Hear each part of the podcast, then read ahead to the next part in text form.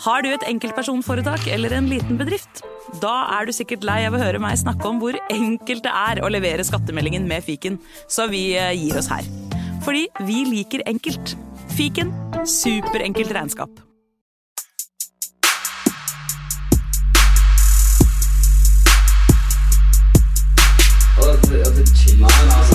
Hei, karer. Hysj, hysj, hysj, hysj. Det er faktisk sånn at det kanskje er noen som har lastet ned der.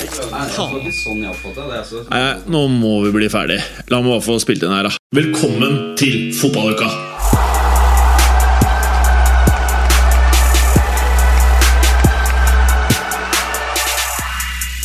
Med fire stykk så kan det jo også bare bli eh, tom luft.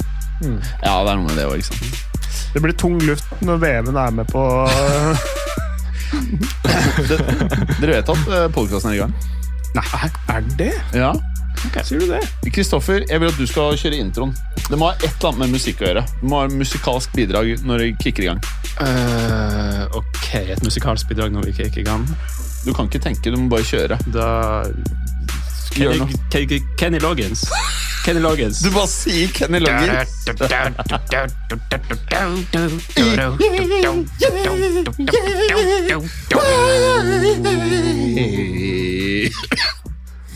Veldig bra, folkens. Alle drikker. Podkasten der det hostes òg. Ja, det hostes mye. Vet du hva, Jeg hosta i hele dag noe voldsomt, og så måtte jeg davne. Jeg davna en Smirnoff Ice. Så dere det, eller? Nei, jeg hørte bare eh, rykter om det. ja.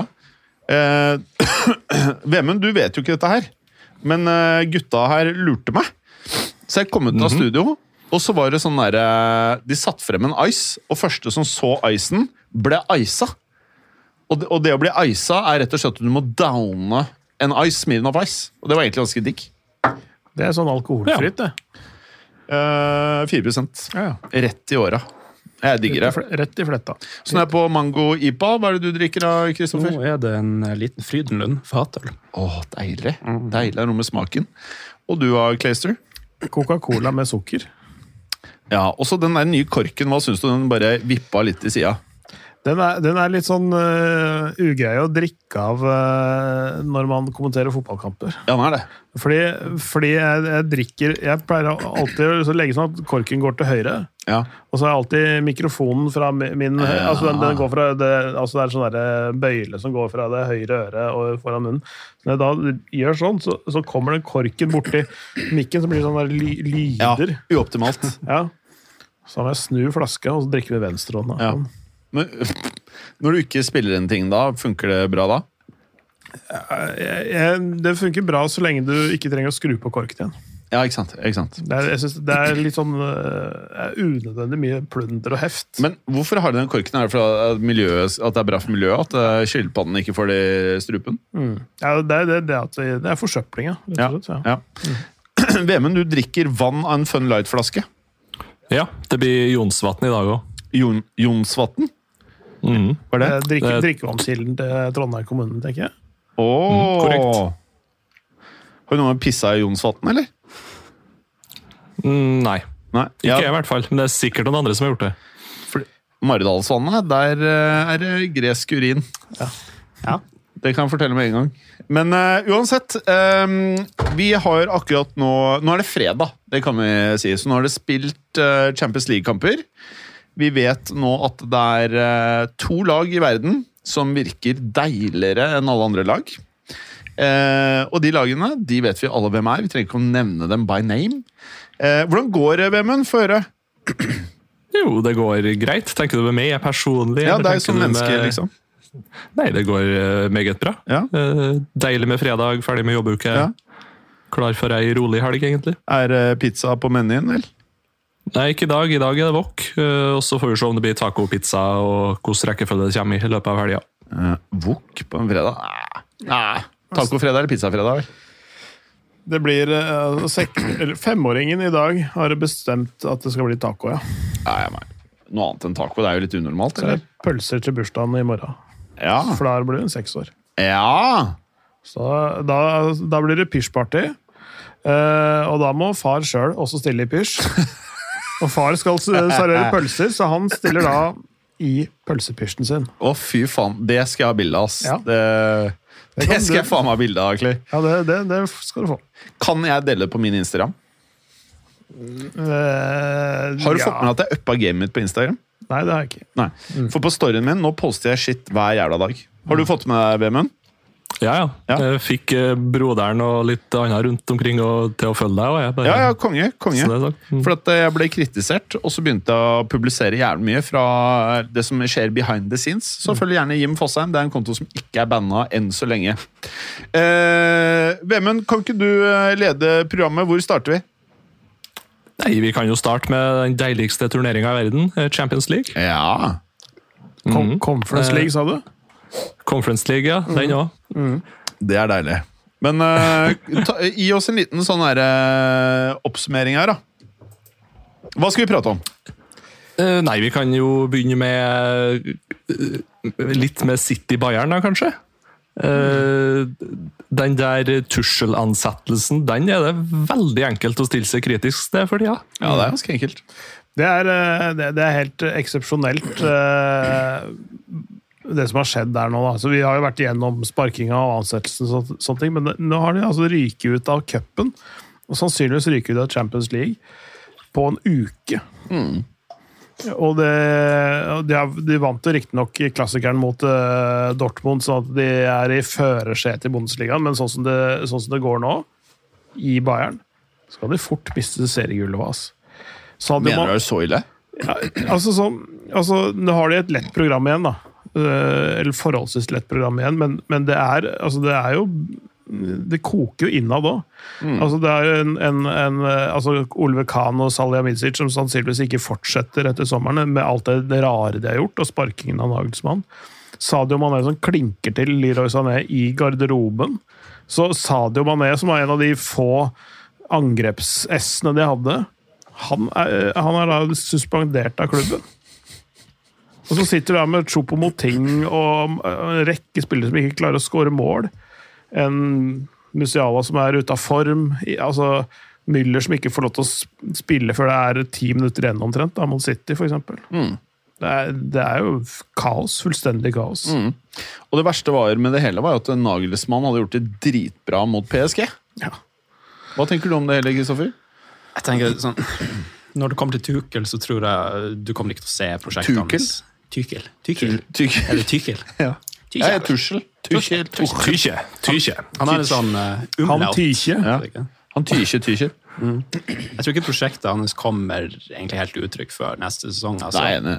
Det, det er litt for mye sånn kaos behind the scenes, virker det som, til at han bare kan komme inn. Ta og- mikken mye nærmere. Åh, den, Der, ja.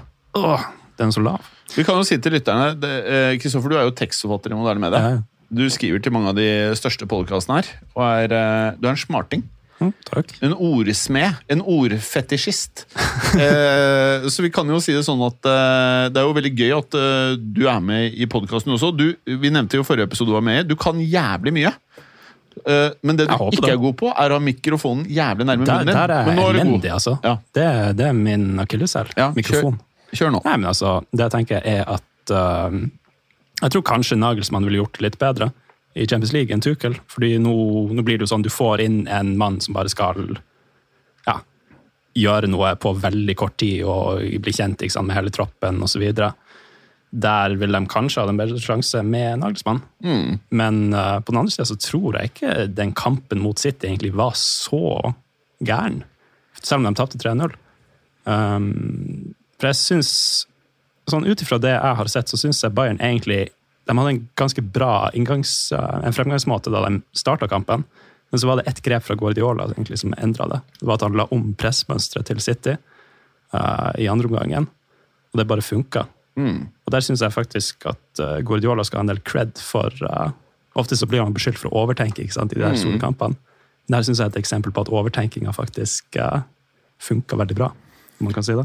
Ja, det er absolutt. Det, at de, de gjorde endringer underveis som satte de i stand til å gjøre det de gjorde. Men, og, og, men Bayern altså de, de gjorde det ikke så verst. De hadde noen sjanser, og, hadde, og så kan man si hadde de satt de sjansene, så hadde kampen sett annerledes ut. Helt åpenbart, i og med at de skårte null.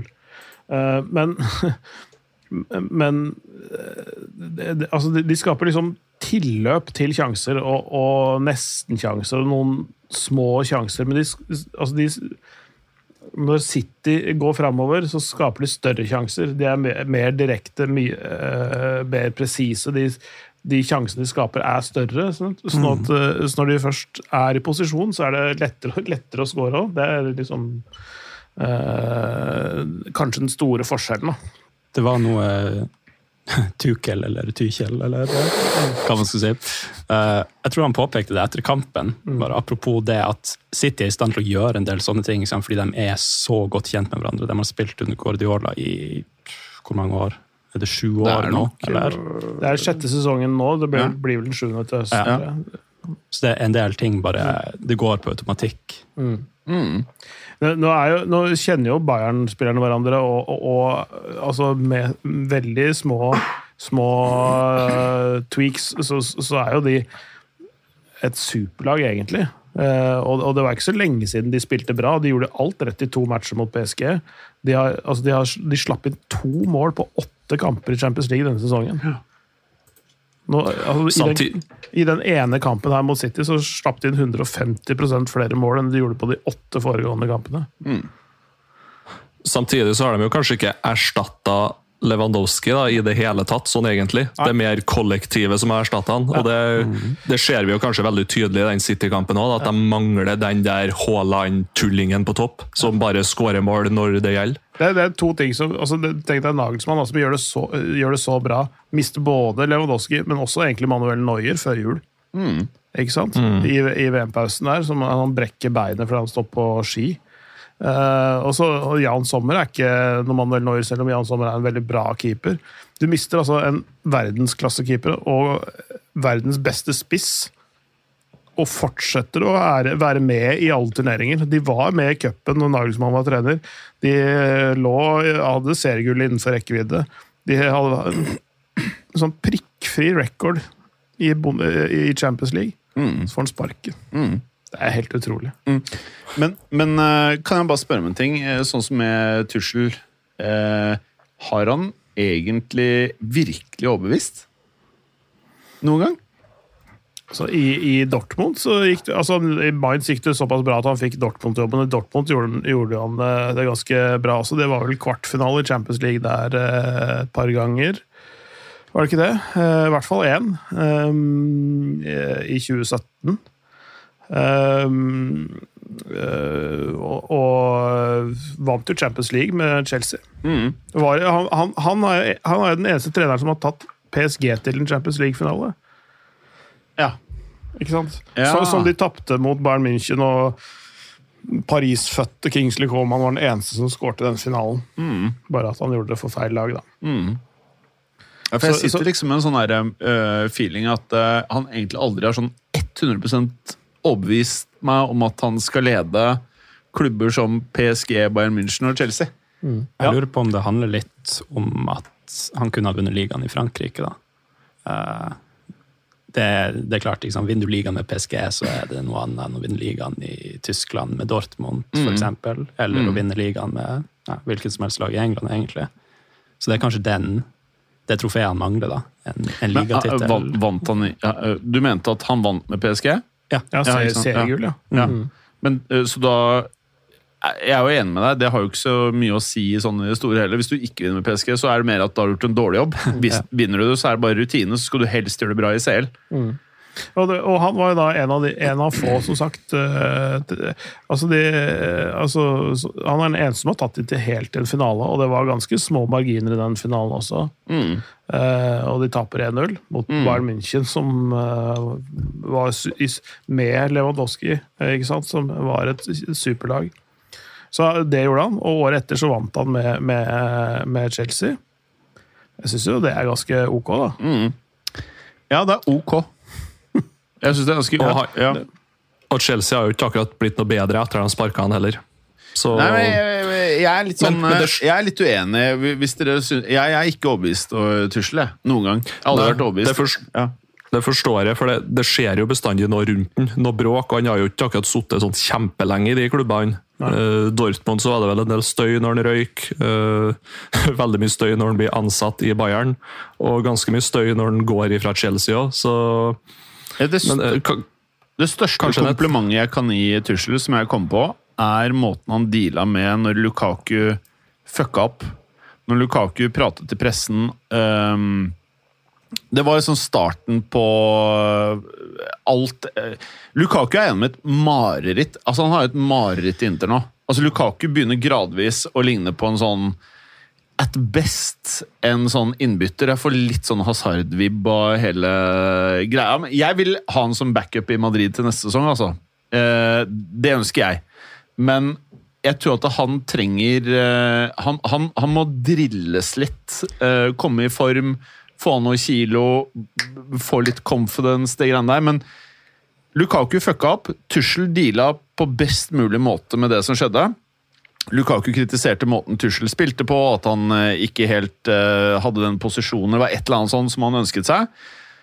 Og da skal du automat Hvis det hadde vært Mourinho, så hadde det vært liksom Det hadde blitt et helvete. Jeg syns Tussel gjorde det smidig.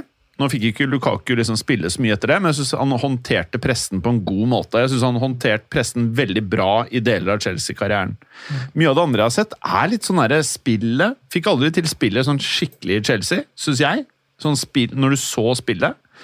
Eh, PSG så jeg veldig lite av, bare det som var i, i Champions League. Det synes jeg var decent. Eh, men igjen, du hadde jævlig bra spillere. Eh, Dortmund til tider veldig overbevisende, men ikke på det nivået hvor jeg tenker at du skal gå runddansen med Bayern München, PSG, Chelsea, og så etter Bayern så skal du til Barcelona eller Madrid. Han er ikke der. Da føler jeg at du får en CV basert på meritter jeg ikke klarer å finne. Jeg syns egentlig at det var tidvis i Chelsea, i hvert fall. Eh, nå er jeg Chelsea-supporter, da, så Ja, det stemmer. eh, jeg har, jeg har følelser når det gjelder Tuchel kontra Frank Lampert nå. Men eh, da Tuchel var der, i hvert fall, så satt jeg med den følelsen av at uansett hvordan kamp det var, så kunne Chelsea vinne den. Eh, det føler jeg ikke nå lenger. Men som du sier, så var det ikke nødvendigvis alltid sånn at Tuchel alltid fikk taktikken til å sitte helt. Det tror jeg hadde litt å gjøre med også hele det rotet med, med eierskifte og, og alt det der. da. Han mangla en spiss egentlig som funka til hans type fotball. Og det var sikkert litt derfor du så han prøvde å signe Aubameyang. og det er Ja. kanskje ikke den beste avgjørelsen. Nesten tvunget til det, for det var ikke så noe annet å hente. Det var Ja. liksom på deadline days siste minutter omtrent. Ja. Jeg vil si at eh, Chelsea, siden Bowley har tatt over, har hatt det svakeste mm, manageroppsettet av toppklubbene i England. By far. Eh, men eh, ja, nei eh, Hva tenker du, Vemund? Er det noen sjanse til returoppgjør her, eller? Eh, Det frister jo veldig å si nei, men så vet man jo aldri. Men eh, ja, jeg har sagt før at Frank Lampard er, han er ikke noe verdensklasse-manager eh, enda, altså Det kan godt være han blir det om en fem til ti år, men jeg har mine tvil. Eh, Jeg syns egentlig han er veldig veldig overvurdert og skjønner ikke hvordan han får seg sånne jobber som det der hele tida. Det er jo kun pga. at han er legende i Chelsea. Men eh, jeg syns jo det Tussel har vært god til, er jo kanskje å få til veldig mye på veldig lite tid. Eh, før det ned på et eller annet merkelig vis uh, rundt den. Ja. Så nei uh, Chelsea har nok eh, ja, hva skal jeg si 95 sjanse sikker, 95% sikker på at de er røkket ut, altså. Chelsea? Ja. Og jeg trodde du pratet Chelsea. om eh, Bayern Bayern, unnskyld. Ja, Bayern. Så hvem er det du mener ryker ut? Jeg er for så vidt både Chelsea og Bayern, da. Ja, Men nå prater vi om Bayern-kampen, men du mener Bayern, Bayern ryker ut? Bayern ryker, ja, ja, ja. Ok, ok. Skjønner. Eh, hva tenker du, Clay? Jeg eh, snakka med min kollega Eivind Bisgaard Sunde, som har en viss eh, peil på tysk fotball. Uh, han driver annet en podkast om det. Om det. Uh, han, men han er veldig flink. Han sa før Dobbeltoppgjøret dobbeltoppgjøret City-Bayern München at City kommer til å slå ut Bayern München med 6-1 sammenlagt. Ok. Han sa det før kampen. ok. Uh, nå er det halvveis dit, da. Og, og jeg, jeg tenker at det ikke er et så helt uh, feil bilde. Uh, Jeg tenker at, at Bayern München kanskje starter best i München. De får ikke det målet de er ute etter helt sånn til å starte med. City skårer først. Så utligner Bayern, og det kommer til å bli et litt sånn race utover i andre omgang. Og så kommer det to litt seine mål fra City fra 70 og utover. Så det blir 3-1 til eh, City i, i München. Mm. Hva tror du, Sofie? Jeg stiller meg egentlig bak, bak denne eh, spådommen, altså. Ja. Jeg, jeg har ikke noe å tilføre der. Jeg tror det, Men- den er god. Men når dere sier dette, er det fordi dere baserer det på kampen som var? Eller baserer dere på at uh, dere mener at uh, Tyskjel trenger mer Hvilke ting Nei, eh, det er jo eh, problemene eh, Bayern har eh, sånn generelt sett. Altså, du så det litt i den kampen. Det kommer til å være endringer til neste kamp. Bevares. Upamecano, eh, tror jeg kanskje ikke starter i neste match. Ok, faen var ræva. Han eh, Det, det er eh, vel så nært eh, e- e- ener på børsen som, som man kommer, altså. Er det Altså- så dårlig?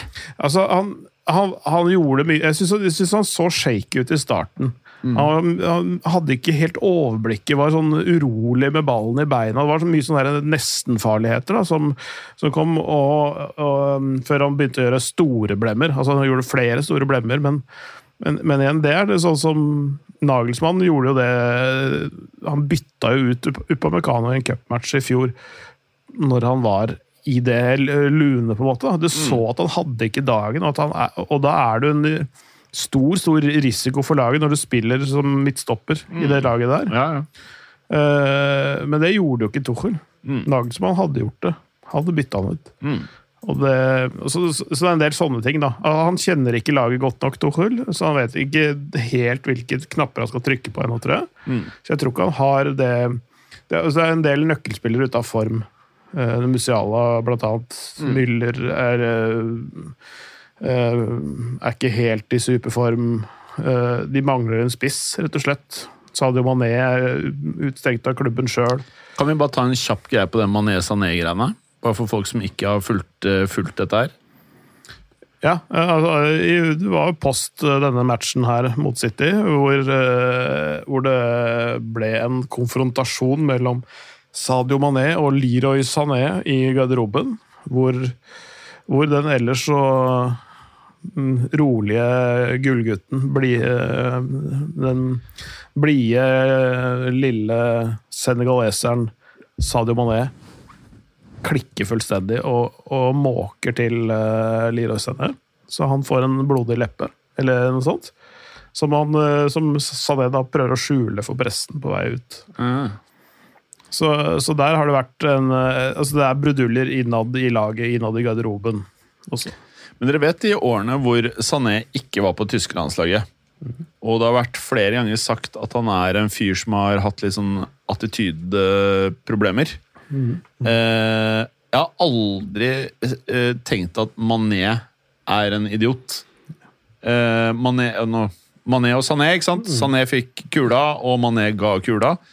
Eh, Mané er en fyr Jeg bare så et sånt intervju. Han gikk med en sånn iPhone 9 eller noe sånt med knust glass og var ikke gira på å skifte den ut. Han bare var happy med Han brukte Han, den til bygger, skulle han bruker pengene sine på å bygge skoler og sykehus Ja. og sånn i hjembyen Ja. i Senegal. Han slår meg ikke som en idiot Nei. eller en dust fyr. Eh, med tanke på at Sané har den CV-en han har med å lage dårlig stemning, så er det Jeg skal ikke dømme noen, men bare sånn magefølelsen er at Mané ikke er en fyr som dæljer til en lagkamerat uten at det har vært sagt eller gjort et eller annet som ikke er optimalt. Ja. Det, det, det, den følelsen tror jeg de aller aller fleste sitter med også. Ja. At de egentlig er team Mané her, altså. Ja. Men, men klubben kan ikke gjøre noe annet når det er han som Nei eh, er altså, en, det. en, en ting er en verbal krangel, men det der å eh, Men jeg tenker at, at det var mye som skulle til for at det kokte over, men når du først gjør det, så bare mister den det helt. Og det, og, så, så det skulle gjerne vært flue på veggen i den garderoben der. Er det altså. kanskje litt sånn at er Litt usikker, men har Mané kanskje ikke hatt en så veldig god sesong i Bayern så langt? Litt, litt opp og ned. Han Ja. starta veldig bra, og så ble han skada. Og så kom han tilbake og var ikke like i fyr og flamme. Og så har vært litt sånn opp og ned, da. Så det er kanskje litt sånn du er allerede under en del sånn press, fordi du, du har ikke prestert optimalt, og så får du, får du høre at ikke sant, Ja. fra Sané, og da bare klikker det. Et, jeg føles litt sånn Zidane Materazzi-greie. At eh, det er sagt noe som ikke nødvendigvis bare er fotballrelatert. da. Et eller annet sånn Det kan det, kan det, fort, eh, kan det fort være. Eh, Det blir jo bare frie spekulasjoner Ja herfra, selvfølgelig, men, men det, er nok, det er nok egentlig det folk tenker. At Mm. det er litt sånn som den situasjonen der. Du, du, du, hvis du ser det snapshotet fra VM-finalen da, i 2006, var det ikke det? Ja, jeg tror jeg. Ja. Uh, så ser du bare en fyr som skaller ned en annen, som får rødt kort og går ut. Og det er så greit nok når du skaller ned noen på den måten der. Eh, så skal du ha rødt kort, og da går du i garderoben. Og det er kanskje nettopp det som er er her, da. Altså, foranledningen kan være hva som helst. eh, og antakeligvis ganske alvorlig, den òg. Men eh, ja. Ja, det er Ja. ja, det, det, det, det, de leverer varene Bayern München, bare ikke nødvendigvis eh, på banen hele tiden. Da. De, de gjør det innimellom òg, så, så det, er, det er ikke lett å bli klok på. Nei. Videre, vi er vel eh, alle enige om at eh, Eller vi eh, går for City videre fra oppgjøret. Jeg mener at det å dukke opp For at nå skal vi spille i München, ikke sant? Det å dukke opp der, selv om du er City og Pep og alt det greiene der, jeg tror ikke det er bare bare. Så selv om Tussel er ny trener, og jeg egentlig ikke er overbevist over han som en eh, man manager, eh, sånn som Ancelotti kanskje er best på i verden, så tror jeg ikke jeg, jeg tror det kan bli en helt annen kamp, da. Men jeg tror City går videre. Vi går videre her til eh, Benfica-Inter. Eh, Inter vant to, med to mål på bortebane, vel, Vemund? Mhm. Egentlig litt sånt resultat som lyger litt, for jeg syns det var en ganske jevn og interessant fotballkamp. Eh, Men så er det her med Champions League og rutine osv. Eh, og der mangler jo kanskje Benfica, selv om de er et fantastisk fotballag. Det, det siste lille uh, kyniske rutinen og i den kampen her, da. Uh, utrolig at de ikke klarer å få ballen i mål. Eh, for det er noen store sjanser der altså, som går an å sette forbi keeper. Men det vil seg bare ikke, altså. Altså, de, de har jo hatt noen veldig gode kamper i høst. Benfica har noen veldig sterke resultater. eh, men dette her var ikke det samme Benfica-laget, følte jeg. da. Jeg syns det, synes de var svakere enn det de pleier å være. Selv om de bommer på De skaper store sjanser som de bommer på. så uh, Gonzalo Ramos er ikke liksom den, den heite spissen som alle har snakka om. uh, ja, videre. Men mm. så, selv om det isolert sett ser sterkt ut å vinne 2-0 på bortebane i en kvartfinale i Champions League, så er, jo- så er det litt flatterende for uh, Intercell. Jeg tror de får en smekk uansett hvem de møter i semien. Altså. Ja, det tror jeg Det interlaget der, det, det kan være veldig opp og ned. Du vet Ja. liksom ikke helt hva du får. Plutselig så taper de i hjemlig serie ikke sant, mot Cremonese, og så går de ut så kan de slå noen i Champions League. Og Men, men hva tror du, da? Du, som, du er jo veldig sånn Serie A-mann, da. Ja, ja, så som sagt, det jeg tror er jo at Inter er såpass opp og ned at det kan hende at de plutselig går på en skrell mot Benfica hjemme, men sannsynligvis ikke sånn. Når, du leder 2-0 etter eh, det første oppgjøret, så skal du jo gå videre. Eh, og så er det kanskje litt sånn som Vemund sier, at har Benfica den der lille rutinen i Champions League på det nivået til å liksom, dra til uh, til uh, ja, San Siro, holdt jeg på å si, men det er vel Giuseppe Miazza når Inter spiller der. Og ta, ta det der. Ja. for Men hva er ståa med Lukaku nå? Det- Skårte jo. Hæ? Han skårte jo. Ja. Han skårte på straffe. Men han spiller jo liksom ikke spesielt mye lenger, da. Jeg tror du var litt inne på det i sted, Jim. Uh, fordi du sa at han, han må ta av seg noen kilo. Ja. Og det er jo det som er storyen med Lukaku nå, sånn de siste Ja. hvor mange årene er, med unntak av den ene sesongen der han kom til Inter under Conte, og bare dunka inn x Han var helt ekstrem. Ja, ja. Men før det, måten han gjorde det, var jo han kom til Inter, og så sa uh, de, det medisinske apparatet i Inter sa ja, du er jo helt ute av form. Hva de har gjort med deg i England? liksom? Vi må sette deg på en diett. Ja. Så ble han han gikk ned i vekt, han ble leanere enn han hadde vært på flere år. Og Han ble hurtigere, ikke sant? mer bevegelig osv. Og, Mm. og du så resultatet. Altså, disse belgierne har tydeligvis anlegg for å bli bælfeite. da. Det er jo, eh, det er jo altså det her er jo noen av, på sitt beste noen av verdens beste spillere som blir tjukke over natta. Altså Går en sommer, og så er de tjukke. Men det er Hazard og Lukaku de har den samme greia Ja. der. virker som at De møter opp til preseason, og så vet du ikke helt hva du får. De plutselig så Tror du de de bare sitter nede i Ibiza og kjører en liten rave, vel? Ja, og så er det majones. Så er det, det er sånn dyppa glow sticks i majones. Belgiske vafler og så videre. Oh. Ja, nei, men eh, jeg syns det er litt synd, for Lukaku er en fyr jeg egentlig liker litt. Ja, han, han er bare litt misforstått, tror jeg også. fordi ikke sant, Mange har tenkt at ja, han, er, han er så svær, ikke sant? han er en targetspiss. Han er ikke en targetspiss, han er mer en bakromspiss. Han trives når han får stikkere. ikke sant? Han kan løpe inn i bakrom. Og så har det vært flere tilfeller, eh, både i United, men også i Chelsea, der han har blitt kjapt. Og så Ja. har de prøvd å bruke han mer som en sånn oppspillspunkt. Og det passer han ikke. Nei. Så blir han sur, og så begynner han å klage i media. Så har du det Ja. gående. Ja. ja, det å prate i media som fotballspiller, det er bare prat om alt annet enn at du er misfornøyd med klubb og trener. Videre, eh, og er, hvordan er vi på Inter Benfica? Hvem går videre, Vemund? Um, nei, jeg tipper at det blir en 1-0-seier til ett av lagene, så da går eh, Inter videre uansett. Tror jeg de låser av den kampen der ganske greit. det. Ja, Syns jeg høres fornuftig ut. Ja. Jeg støtter det. Ja. Og så eh, til kanskje det oppgjøret som var hipsterfavoritten, AC Milan-Napoli. Ehm, det virker som Milan har en sånn Totre Sharawi-fingre oppi anuset til eh, Spalletti. Og bare har full kontroll over hvor Spalletti beveger seg. Eller? Ja, nå har du jo to seire på kort tid her. En Ja. i Serie A og en her sånn. Jeg kan jo si den 4-0-seieren i, i serien det kan jo tilskrives det at uh, Napoli leder jo med et hav av poeng foran uh, alle som er bak de. Ja.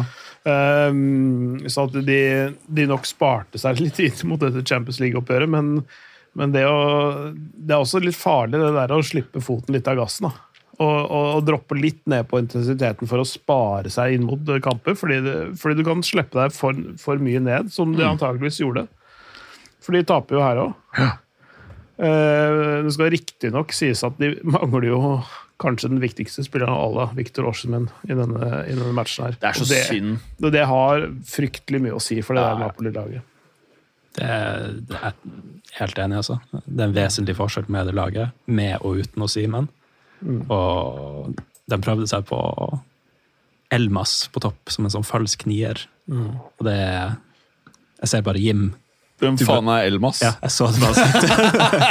og det føler jeg sier det meste. Men hvordan er utmannet Yilmaz? Er han tyrk, tyrker, eller? Uh, sikkert- Makedonia. Ja. Macedonia?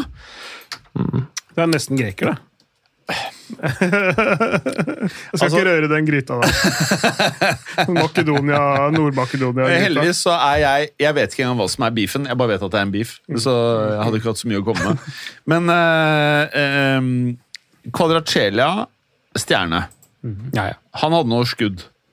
Han hadde noen skudd, men uh, det var vel mer enn noen skudd. Det var vel uh, Var det feberredning, eller var det Nå har jeg drukket så mye alkohol her. Nå skal jeg tisse mens dere tar dette. her, Men ikke start med Real Madrid før jeg er tilbake. Ja, ok. Kvara- Kvaratskhelia i hvert fall er jo Du ser at det er ganske enkelt å ta han ut i sånne enkeltkamper når du ikke har en til sånn Oshimen rask eh, jævel på topp der. Det blir jo veldig enkelt å ta han ut. Men det, men det er klart, det blir når et lag plutselig går fra å være det du kan kalle flerdimensjonalt, til å bli endimensjonalt, så er det jo det er lettere å stoppe det. Eh, Jeg husker ikke hvilken trener som sa det. Det var en, en uh, trener som trente et, et av de dårligere lagene i Premier League, som spilte på et av de store lagene, og så hadde de tatt ut en sånn type spiller som Kvaratskhelia i en match. Og han sa at uh, det hjelper ikke å kjøre en Formel 1-bil hvis, du- hvis du står fast i rush- rushtrafikken. uh, og det var litt sånn som de gjorde med Kvaratskhelia. Altså, det- altså, du så med en gang han hadde ballen, så hadde de tre-fire spillere veldig, veldig tett på. Eh, Så han, ja, han kan hoppe og skippe med ballen, men hvis han ikke hvis han ikke kommer i posisjon til å fyre eller slå den stikkeren sin, så, så hjelper det ikke. Så, så de, de, de tok rett og slett og kjørte Formel 1-bilen Kvaratskhelia inn i rushtrafikken. Rett og slett. En eh, god analogi. Så, og når du da tar ut det ene våpenet, så er det lettere å Det ene våpenet de har, så er det mye lettere å, å holde nullen nummer én, og, og, det, og med den jeg skal si, den offensive tankegangen som er liksom i Napolis natur, så vil de øh, overlate ganske store rom å kontre i. Og det var flere gode kontringer fra Milan i den kampen der, som kunne blitt, øh, blitt til mål. Jeg mener Spalletti etter kampen, så, så sa han vel noe sånn som at hvis det her skjer på, uh, i returoppgjøret, så tar jeg hatten min og går. Så han, han hørtes ikke ut som han var helt fornøyd. Nei, det, det var jo det var ikke alle som tok returløpa sine uh, der på, på midten for Napoli, eh, tror jeg. Uh, og ja, de, de, de, mis, de misser i noen sånne helt avgjørende dueller.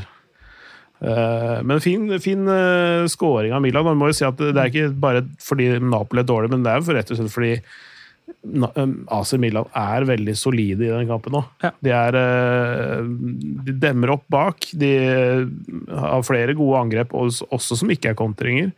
Brahim Diaz som setter opp uh, Benazer til den skåringa der. Super, superbra.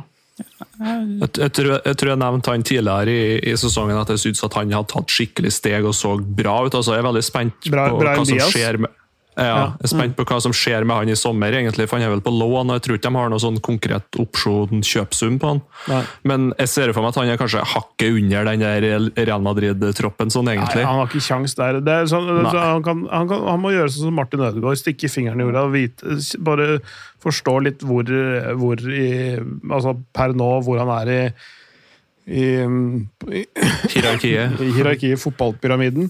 Eh, akkurat, akkurat samme Det er den feilen mange gjør, da. Eh, når de gjør en god sesong i et eh, sånn subtopplag, så skal de gå til et topplag. Og det er, eh, er ikke alltid det smarte. Noen ganger så er det det, det å finne det nivået ditt og briljere der, istedenfor å bite over for mye. Sånn som jeg tror Rafael Leao forsvinner i en større klubb. Jeg tror, jeg tror, eh, tror både Brahim Diaz og Rafael Leao har godt av å være i en klubb som Milan, på det nivået der. Mm, sant. Uh, og hvis Milan uh, mener alvor med å bli et topplag og en storklubb igjen, som er det over tid Ikke bare sånn der utelukkende enkelt uh, seriegull med Zlatan og sånn. Så ja. Kommer det inn eh, noe musikk fra siden her? Det, det skjer ting nå. Ja, det var mektig den, eh, også før kampen på eh, hva det nå var, tirsdag eller onsdag? Ja. onsdag. ja. Nei, jeg har prøvd å si det til dere. Det er ingen som følger meg. Nevnte vel forrige gang jeg satt her at, at, det, gikk, at det er eh, Skap. i hvert fall eh, de som presterer eh, mest jevnt av alle lag i Europa og over tid. Det går ikke så bra i serien, da, men, men det Jeg er lei, ja. lei det der. Og har noen nye utfordringer.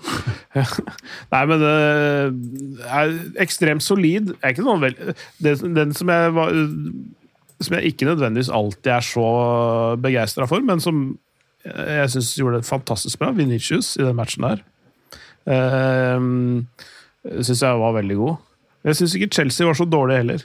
Jeg synes, men Det var veldig solid av Real Madrid. Men Chelsea var hadde noen eventyrlige muligheter. da. Altså, Rett etter at uh, Real Madrid hadde tatt ledelsen, så er det en kontring som Chelsea har, hvor Raheem Sterling vel Ja. Altså får virkelig det beste ut av Courtois. Helt nede ved stolperoten eh, fra veldig, veldig kort hold. At han klarer å redde den, er helt utrolig. Altså, det her det er, det er Frank Lampard-ball i et nøtteskall. Det, det kampbildet der. Antall ganger jeg har sett det kampbildet der før og bare sitte i sofaen og jeg bare dør innvendig. Men fortell litt hva som er Lampard-fotball, da. Nå kommer jeg til å gå ut på en rant. Ja, ja, få høre. Dette her er deilig. This is what this podcast is all about! Åh, Lampert-ball. Det her er Jeg husker da Lampard kom til Chelsea og Blanza som trener, så var jeg sånn Ja, det her, det her er kult. Jeg har ikke sett lagene hans spille så veldig mye, men det det er alltid kult med sånne gamle storspillere som Det kan gå skeis, det kan gå veldig bra. Uh, og første sesongen så var det jo sånn De kom topp fire under et transferband. Og han fikk inn masse unge spillere. Mason Mount, Reece James, Tammy Abraham. Ja. Ikke, ikke gærent. Ja. Så kommer den andre sesongen, og så er det bare en del sånne ting som taktisk Så syns jeg Frank Lampard er dårlig. Ja. Jeg syns det er helt krise, det han driver med. For det er sånn uh, For å beskrive det, hvis du setter opp laget i en 4-3-3 Ja. utgangspunktet, så bare har han de to midtbanespillerne uh, på hver side. De bare går opp, og de går høyt i banen. Vingene står bredt. Hvem er midtbanespillerne nå? De to Um, førstevalget er Enzo og eh, Ja, la oss si Kante? Kovacic. Enzo Kovacic spilte ja, mot eh, Real. De går, eh, nå spilte de 3-5-2 der først, men vanligvis så spiller de 4-3-3. Da går de midtbanespillerne høyt. Vingene står bredt, høyt. Spissen går høyt. Og vingen er nå Reece James og Chilwell? Det er vingbekkene. Ja. Men de går også høyt. ja. Og det du får da, er at du har to midtstoppere, du har ett anker, tre spillere som står igjen. Motstanderen vinner ballen. De har et hav av rom og country. Du har ingen sentral. Og det bare Du blir bare eid, rett og slett. Du slipper inn mål etter mål på det samme som skjer. Den samme kontringa der, fordi du har Arsenal, for eksempel. De inverterer wingback- wingbackene sine gjerne. Du har ekstra folk i midten og bare kveler Hva betyr det å invertere, bare så folk som skjønner det? Wingbacken trekker inn i banen i stedet for å stå bredt. Ja. Uh, Så det er det Guardiola ikke sant? Han starta denne trenden nylig. Grunnen til at han gjør det, er fordi du stopper kontringer. Når Ja. de ligger sentralt i banen, så bare vinner de ballen mye enklere. Men med Lampard, når de er bredt høyt oppe, så er de i feil ende av banen når de mister ballen. ja. Så du må bare løpe 100 meter hjem, og det er for sent. Mm. Og med Lampard, du slipper inn på det der gang Litt, gang. litt sånn naiv tilnærming til det, egentlig. Rett og slett. Hvorfor holder han på med det? Det er akkurat det som er mitt store spørsmål. Bare, bare så vet det, det, her er veldig interessant. Jeg, jeg er jo for retard i huet mitt til å skjønne alt. eh, Jeg, jeg, før du sa det nå, hadde jeg ikke tenkt over det. Det, det er bare sånn, Jeg er litt sånn taktikknerd. så Ja, jeg liker det veldig godt. følger Har du lest som 'Inverting the Pyramid'? Nei, jeg har, ikke kommet så langt. Du, men, ja. du skal få lov til å låne den av meg. Ja. Jeg skal ta med meg på jobb neste uke. Skal låne 'Inverting the Pyramid'? jeg, har, hatt den på lista mi i flere år. Så det, Det er bare å pløye den. Er det, betyr det å snu V-en på midtbanen? Invert pyramid? Eh, nei, det, Pyramiden det er en sånn gammel fotballformasjon fra eh, 20-tallet, er det ikke? Eller noe sånt? 4-3-2-1. Ja. Og så, Ja. Poenget til han som har skrevet boka, er vel at med taktisk utvikling over tid, så har den formasjonen på en måte blitt snudd på hodet. Altså Pyramiden har blitt Det startet i hvert fall med lag som hadde én og to forsvarsspillere og Ja. spisser og sånn. Så helt sånn crazy. Men det er sånn, det er akkurat det som har kommet tilbake med Guardiola. ja, Fordi i angrepsfasen sant, så har han fem ja, uh, helt fremst. Det er en 3-2-5 eller 2-3-5 ja. når de har ballen, rett og slett. Veldig ofte. Men er dere enige at uh, de siste par årene Jeg kan ikke så mye om dette her, da. Det må jeg bare si først og fremst. Uh, er dere enige at det er veldig sånn hype på taktikk? Ja. Mens noen ganger så er old school-tingene også ok. Ref. Angelotti.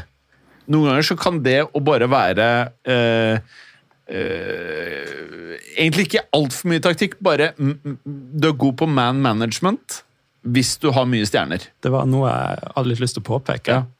Eh, og det var bare en kommentar jeg så et eller annet sted. Jeg husker selvfølgelig ikke hvor. Jeg har ingen kilde. det her er synsing. Men det var noen som sa at system, systemet vinner ligatitler. System vinner liga Ja, ok. Individuelle spillere vinner cuper som Champions League. Ja. Og det, det tenker jeg egentlig, der er det noe. Fordi, ja, det er jeg litt uenig i, da. Jeg er enig i det første. I det andre Og jeg har, jeg har sett mye Champions League, altså. Det er det, det er det beste jeg vet. Champions League er den fotballen jeg ser på som primært, da. Du er Real Madrid-supporter. så- Ja. Sånn skal det være. men det har vært sånn i alle år, og når jeg har sett La Liga-kamper, så er det Jeg syns La Liga er litt morsommere enn Premier League. Premier League kan jeg av og til se bare for det sosiale. Jeg kan ende med å se Premier League bare fordi jeg er hos kamerater som har Premier League, eller jeg stikker på en pub jeg syns det er hyggelig, og fordi jeg spiller fantasy, og det er en greie i Norge. Men veldig ofte, når det er sånn herre eh, Chelsea-Liverpool, sitter jeg og ser på det og bare Fy faen, det her er faktisk ikke så jævlig fett. Eh, United mot Tottenham. Å, fy faen. Å, fy, da. Du ser lagene, og så tenker du sånn eh, Så tenker du sånn Ok, nå Dette her må man jo se, det blir fett. Og så sitter du og ser på det, så er det faen meg så jævlig kjedelig. Når jeg ser Champions League, så er det bare Det er noe sånn derre magi, da. Få er- stjerner i øya, det nå. Åh, åh. Men så er det Det jeg mener med Champions League, vi har pratet om det så fuckings mange ganger i denne podcasten her, det er noe med kultur. Vinnermentalitet.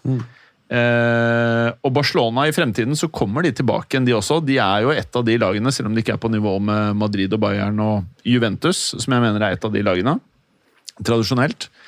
Eh, så er det et eller annet med den derre kulturen og vinnermentaliteten. Og så kan du kalle det 100 forskjellige ting, men det er et eller annet med det derre å ønske å vinne og vite at du er en vinner.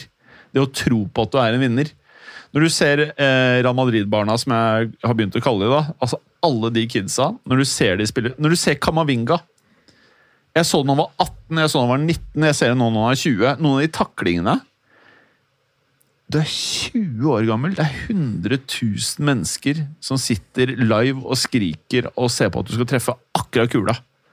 Og så så han gjorde to bommerter eh, i pasningsspillet sitt. ene var Den ble nesten intercepta eh, av angrepsspilleren til Chelsea. Det var to Madrid-forsvarere, så det kunne gått bra hvis han hadde tatt den. Men det er at du er 20 år gammel og ikke, du tenker ikke over det. Du er ikke rutinert nok. Eh, han gjorde en annen blemme også, men utover det Det, det er en 20 år gammel dude ass, som spiller med høy rutine. Og når du ser venstresiden, eller det blir da Chelseas høyre side, Real Madrids venstreside Han får all den plassen som du nevner. Altså, fyren kunne basically sprinta opp og ned av og til uten å møte på blå drakter. Ja, Det det, var nesten så Jeg skjønner ikke at det er mulig, men jeg takker ja. Jeg tar det. det, Jeg tar det. det er Lampard-ball. Da får du den plassen. Mm. Han, øh, han har vært eh, fullstendig fryktløs, øh, Kamavinga, helt fra starten av. Han debuterte fra start for Renn mot PSG. Eh, en kamp Renn eh, vinner. Eh, Jeg husker ikke helt resultatet, men da, da, da var han opp mot Verratti. Oh. Hvor gammel da? 16? 17? Han var, hadde akkurat fylt 16. Bare med noen få dager eller et par uker eller sånt. Og da bossa han Verratti. Jeg tenker den midtbanen Real Madrid kan ha om noen år, med Camavinga, Chouameni, Valverde Ja. La oss si de henter Bellingham, eh, og det går bra. Mm. da Ja. Det kan bli insane. Men uh, jeg er jo mye mer skeptisk til Bellingham enn alle andre i denne podkasten. Men Uh, jeg er faktisk livredd for at det Bellingham-kjøpet kan bli sånn Det blir ikke sånn hasard-greier at han blir tjukk. Han kommer til å være en profesjonell spiller. Jeg er bare usikker på Kan det bli litt sånn Sancho-vibb, eller? Eh, Det, det er jo bestandig fare for det, uansett nesten uh, hvilken spiller som bytter klubb, og kanskje spesielt bytter land. Eh, men nå har vi nå sett at når du klarer å tilpasse deg livet fra England til Tyskland som 16-åring, så tror jeg det skal gå ganske greit å tilpasse livet i Spania fra Tyskland som eh, ja, er en 20 nå, 1920. Men hvor god er han? Jeg tror han har litt flere strenger å spille på enn f.eks. en uh, Jaden Sancho. Mm. Uh, han kan gjøre flere ting, rett og slett. Både teknisk med ball, men også liksom være litt mer sånn Han er smart og moden. Eh, både i, I hodet og i spillet sitt, egentlig. Eh, han er jo kaptein, ikke sant? Når, eh, eh, ofte, eh, for eh, Borussia Dortmund òg. Så, han, så han, han har en modenhet eh, i spillet sitt som er, går langt utapå alderen hans. da. Eh, han, han har, altså, det, det, det er epler og pærer å sammenligne med Sancho, for de er to helt forskjellige både pos posisjoner og uh, egenskaper. Altså, uh, Jaden Sancho er litt mer sånn Serge Nabry, som er sånn en hurtig vingtype. Eh, bra teknisk, fryktelig sterk. Lavt tyngdepunkt og liksom alt det greiene der. Mens, han, eh, eh, mens Bellingham er mer sånn høyreist spiller som som eh, kan transportere ball, flytte ball, justere tempo i en kamp litt. Grann. Altså, helt annen sånn type dirigent eh, og fotballhjerne. da. Jeg tror det er derfor han har ganske greie sjanser for å lykkes. fordi hvis han kommer inn i den Real Madrid-midtbanen, og det blir sånn Ja, ok, hvem skal spille da? Vi har x antall alternativer. Så kan han, eh, han kan gjøre flere ting, rett og slett. Altså, Eh, jeg tror kanskje at han kan få en litt sånn start i en eventuell Real Madrid-karriere som Modric hadde. Ikke en sånn kjempestrålende første sesong. Eh, og så deretter bare ta av som en rakett, altså. Det, Altså, altså hvis du tenker, tenker på de, de som jeg nevnte, Chouameni, Kamavinga Valverde, så, så er dette her en altså Bellingham en type som kanskje kan liksom, eh, ta det litt med ro igjen. Altså, altså, fordi de er veldig intense, alle de spillerne. Ikke sant? Altså, det, det, det er nesten sånn altså, de, de, de bare glefser og fråder, og liksom, jo høyere tempo, jo bedre, nesten. Men noen ganger så må du ta det litt ned. Ikke sant? Ikke hele tida trykke gassen i bånn. Og det der å, å skjønne når du skal gjøre det in game, og når du er på banen, det, det, der tror jeg Bellingham eh, har noe å tilføre, da, den midtbanen der. Kan jeg spørre om en annen ting som bekymrer meg veldig? Hvordan skal, Hvis Real kjøper seg en venstreback, hvordan skal Kamavinga og Chouameni spille sammen? Ja, De kan være indreløper, begge to. Altså, du må rotere litt i løpet av en sesong òg, da. Det, Ja, altså Det kommer litt an på hvordan de setter opp, eh, om de har ett eh, bestemt anker, men, eh, men eh, Chouameni var best i Monaco når han kunne drive framover eh, litt. Grann. Da var han jo en, spilte han jo en toer på midten, i 4-4-2. Eh, Samme Josef Fofana. Um, Da var det Fofana som holdt litt igjen, og Chouameni som drev framover. Mm. altså, bå- både Kamavinga og Chouameni er egentlig aller best framover, på en måte. Altså sånn type åtter eller indreløperrolle, mer enn at de er ankre, mm. begge to. Det kan du også si om Bellingham, da. At han jo er jo egentlig en, mest en åtter som aller helst er kanskje litt mer offensiv enn defensiv. Ja, jo, ja, på en måte så er det det. Og han er ikke noe anker på noe som helst vis, men, men han, eh, men han starta jo også ute på kanten. Uh, og var Ja. egentlig en kantspiller, men når han har blitt mer moden nå, så har han trukket litt mer sentralt i banen og har et utgangspunkt som er litt lavere i banen enn det han hadde før. Eh, Jeg håper ikke at han synker helt ned og blir et midtbaneanker som nesten bare står på egen banehalvdel, eller i midtsirkelen, på en måte, men øh, men han øh, I en miks Altså, hvis du har tre spillere som roterer på to posisjoner som offensive indreløpere, så, så, er, så har du jo tre ganske greie varianter der. Så får, må de ha det anker bak der, da. Ja, Men jeg, jeg legger dere merke til Militao? Vi prater, ja, alle prater veldig lite om Militao. Legger dere merke til ting han gjør? Jeg, jeg la merke til han da de vant Champions League i fjor, egentlig, at Ja. jeg satt og tenkte, da jeg så Real Madrid bare spille seg til finalen og vinne, at Mm. ja, Militao han får ikke så mye oppmerksomhet. Han er, han er litt stille, men han er der, han gjør en solid jobb. Er han litt som en god dommer? At uh, du skal nesten ikke legge merke til at han er der. Da gjør du en fantastisk jobb. Det, faller veldig inn i eh, mitt favorittsitat eh, hva gjelder fotballspillere. Eh, som Paolo Maldini sa. Han sa at hvis jeg, først må gjøre et, hvis jeg først må gjøre en takling, så har jeg allerede gjort en feil. Hey. Altså Det handler om det, liksom det, preventive i Ja. det å være forsvarsspiller. Det er ofte sånn, De aller beste som, øh, forsvarsspillerne kan du nesten ikke måle, for de har gjort jobben sin før ballen i det hele tatt havner der.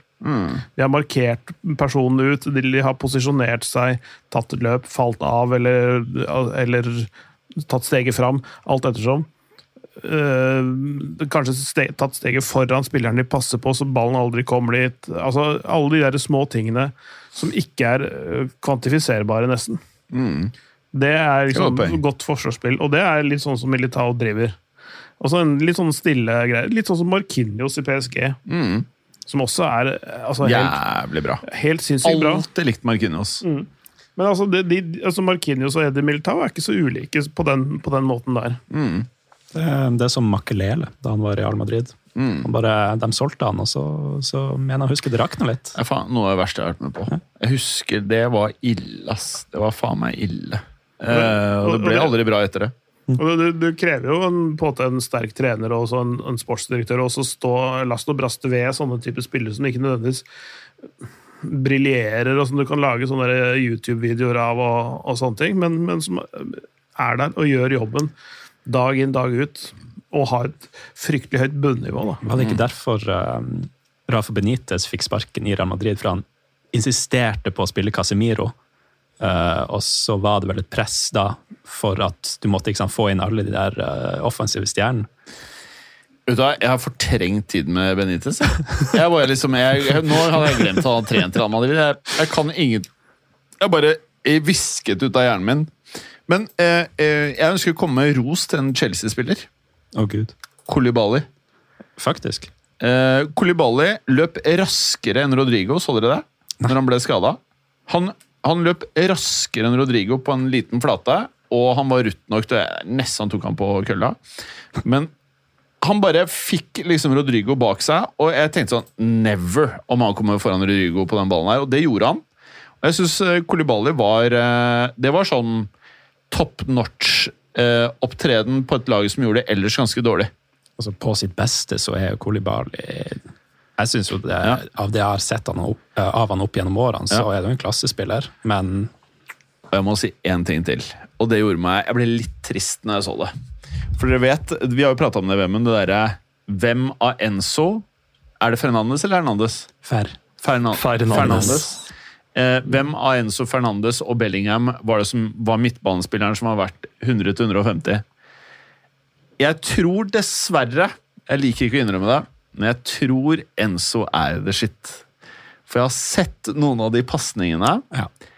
Jesus! Det er bra, altså. altså. Det er som å se Modric. Noen av de Det er på tuppen på skoen til spillerne i 16-meteren. Jeg, altså, det var, jeg ble imponert, altså. Det som er interessant, syns jeg, med Enzo, er at med en gang etter han kom til Chelsea, eh, så har han bare gått rett til topps på x antall sånn pasningsstatistikker. Ja. Du ser det liksom, kamp etter kamp, så, så har han vært liksom én i antall progressive pasninger, én i vellykka pasninger, osv. For Chelsea eller PL? eh, for Chelsea. Ja. Jeg lurer på om han faktisk gikk opp på noe sånt i hele PLO, men okay.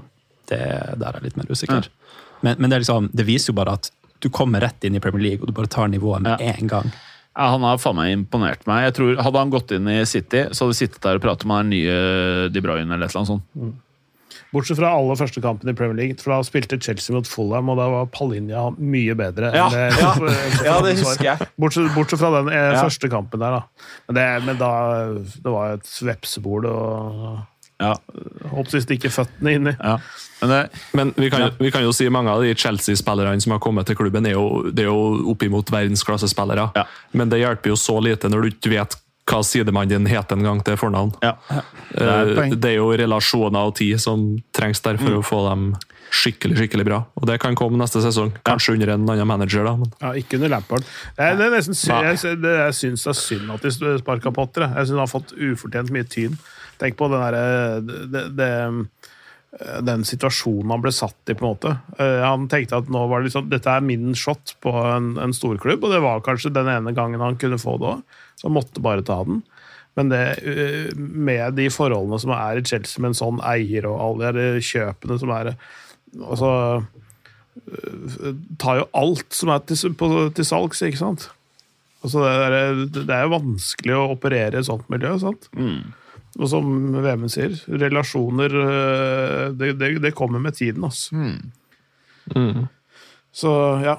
Det er, det er litt synd på han, for jeg tror øh, han kunne fått til noe over tid. Men øh, Det er Ja. litt det der over tid, så, så kan det hende. Men jeg må si, jeg syns ikke han gjorde seg noen tjenester på kort sikt. Nei. For det var sånn, han ble litt for, han ble litt for snill, syns jeg.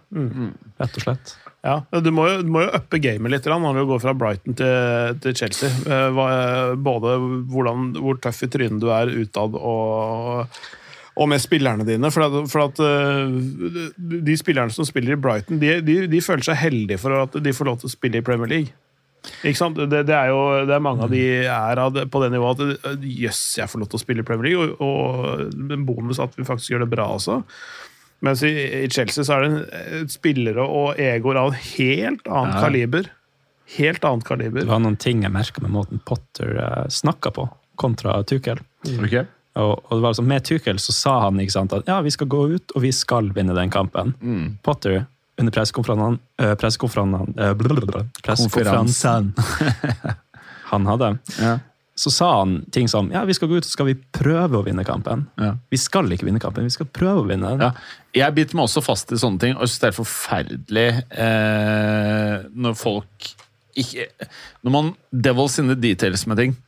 Så du må prate akkurat sånn som du sier, for å få spilleren du, du skal ikke, Han ene spilleren som faktisk hører etter det du sier på pressekonferansene, han kan ikke sitte og Hva, hva mener du? Hvis Ja, ja. Du må fortelle oss at vi skal vinne. Apropos vinnerkultur. Det der det er sånn rødt flagg for meg når jeg hører en manager i en Ja. klubb som skal vinne ligaen, si sånne ting. Så er det bare sånn Du setter lista, Ja. og nå har du akkurat satt den litt lavere. Ja, Og jeg er helt enig. Ja, det er nettopp det det jeg mente litt med at han må uppe gamet sitt. Altså, fra å være fornøyd med å være, bare være der, til å liksom eh, altså løfte både seg sjøl, spillerne, alt annet på et eh, helt annet nivå. Men jeg tror ideene hans og måten han jobber med spillerne og sånne ting, er helt forbilledlig. Så jeg tror han hadde over tid fått det til. Kanskje litt sånn som Arteta. da. Igjen sammenligna det litt med det før han fikk sparken òg. At det at um, altså hvis de tør å stå i det over tid, så får de ikke suksess i år, men kanskje neste år, eller i hvert fall året etter der igjen. For det, så materialet der det holder i flere år uh, med alle de transfer bandene som de kommer til å få. Ja. Uh, avslutningsvis, uh, folkens. PSG til sommeren.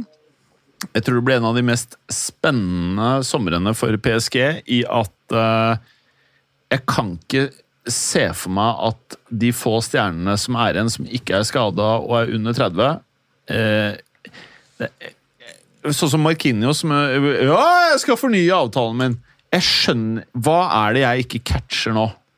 Stemningen i klubben må være Messi, på et, annet- om det er i sommer eller sommeren etter, skal ut. Neymar vil jo PSG kvitte seg med. Mbappé må jo nå, nå sånn, Er det noen som er uenig med meg? Nå må han stikke. Sånn seriøst. Jeg vet at dette ikke gleder deg, da, Clay, men er du ikke litt enig? Nå, nå er det nok, liksom. Er det ikke det? Det er kontrakt et år til, da. Ja, men, er, men, så, ja. men liksom, er det ikke litt nok nå? Er det ikke Det er kanskje Hvis han bare hvis han bare får av seg de, der- de der lenkene som heter eh, Messi og, og Neymar og, og får, et, får et lag med et eh, klarere hierarki, Ja. eh, et bedre balansert lag, ikke minst, så, så tror jeg både han og PSG kan faktisk bli bedre, nesten. Mm. Altså, tror eller, er, eller i hvert fall oppnå bedre Jeg forstår, resultater. men ja. jeg er ikke uenig. Men jeg- jeg- liksom, eh, Mbappé skal nå over de neste fem-seks årene inn i sin prime. Eh, han skal kjempe om å bli eh, verdens beste spiller. Han, akkurat nå så er ikke Mbappé verdens beste spiller. Nei, nei. Eh, jeg mener både Venitius og Haaland er foran eh, Mbappé. Eh, by far. Altså Når du så det, det Venitius gjorde her om dagen, det for meg er insane. Det Haaland driver med, hvis du ranker det å skåre mål på det nivået med alt tilretteleggende og alt det der på samme nivå, begge de er foran Mbappé. Uh, han kommer ikke til å nå de tingene han ønsker hvis han blir i PSG. Det føler for meg det er klinkende klart nå. Det er klinkende klart. Altså, Men det er mulig jeg tar feil. Du hadde rett eh, sist, Clay. Jeg sa nå stikker med opp etter Real Madrid. Det gjorde han ikke. Du sa han blir i PSG. Du var den eneste jeg noen gang har møtt i den perioden som sa han blir en, Eller det er mulighet for han blir. Du var den eneste som sa det. Både på nett, alle steder. Du var den eneste som sa det. Ja, ja. Men, eh, men eh, jeg mente jeg mente det altså Ut fra hva jeg, hva jeg kunne forstå og lese av tegn og sånne ting, så var ikke jeg Jeg var i hvert fall ikke med på det Real Madrid-toget, da. Eh, så åpnet for muligheten til at det kunne bli For, for jeg kjenner jo også altså, hans nærhet, eller hans følelse for byen eh, Og penger. Hans følelse for penger. ja, først, ja, altså, han hadde fått masse penger uansett hvor han hadde Ja da, dratt. han hadde ja fått milliarder uansett hvor han hadde dratt. Vi har Så det- 90 sekunder ifølge tekniker Ja, Felix. så jeg, så, nei, jeg syns eh, ja, det blir, Men det blir blodrødt. Det kan, bli, det kan hende at Galtier ryker som trener òg. Men de har no, noen gode folk. eh, De har gode backer. De har eh, en god stopper. De har eh, De har flere gode stoppere, vel. Ja, flere gode sentrale midtbanespillere òg. Dritbra keeper. Uh, ja, så, så De har en god stamme i laget, og med krydrer litt og, og slipper gjennom flere av talentene som de faktisk har i PSG, som vanligvis har gått til andre klubber. Hvis de klarer å holde på de, så tror jeg de har en, faktisk en ganske god framtid. Hva tenker du om at Darth Vader kjøper Manchester United, sender over alle spillerne fra PSG til Manchester United? det høres interessant ut, for å si det mildt. Kan ikke det skje? Uh, Nja, altså I en, i en alternativ verden, så kanskje. Ja. Da kan alt skje. ja. Nei, jeg har sittet og tenkt litt på det. At uh, hvis eh, gamleklubben Nå virker det som fotballen er fritt vilt. Terminerer kontrakten til Marquinhos, Mbappé, Verratti, Donnarumma etc. Penger er jo ikke et issue lenger, tydeligvis. Banker alle spillerne over på 30-årskontrakter i United. Avskriver over neste 100 årene. Ferdig. Og bytte draktfargen til sånn hvit og burgunder, som er Qatar-fargene. Litt sånn som han der eh, fyren i Cardiff gjorde. Han bytta fra blått til rødt, eller rødt til blått, eller hva det var for noe. Og så går Men i hvert fall i United så kan du justere den rødfargen litt sånn nyansert for hver sesong. Sånn etter en sånn fem år så er den mer sånn Qatar-rød, og så bare har, har du på noen hvite shortser. Det håper jeg skjer, ass. Det blir helt fantastisk å følge videre. Uh, ja, nei, nei, Vi kan jo bare håpe da, at det inntreffer. Ja, det var gøy. Nå må vi runde av, folkens. For jeg hører tekniker Felix er gira på lydfilene for å få pumpa det ut før helga. Noen siste ord? Eh, Europaligaen og Conference League, der er det eh, veldig spennende returoppgjør nesten over hele linja. Kjempebra.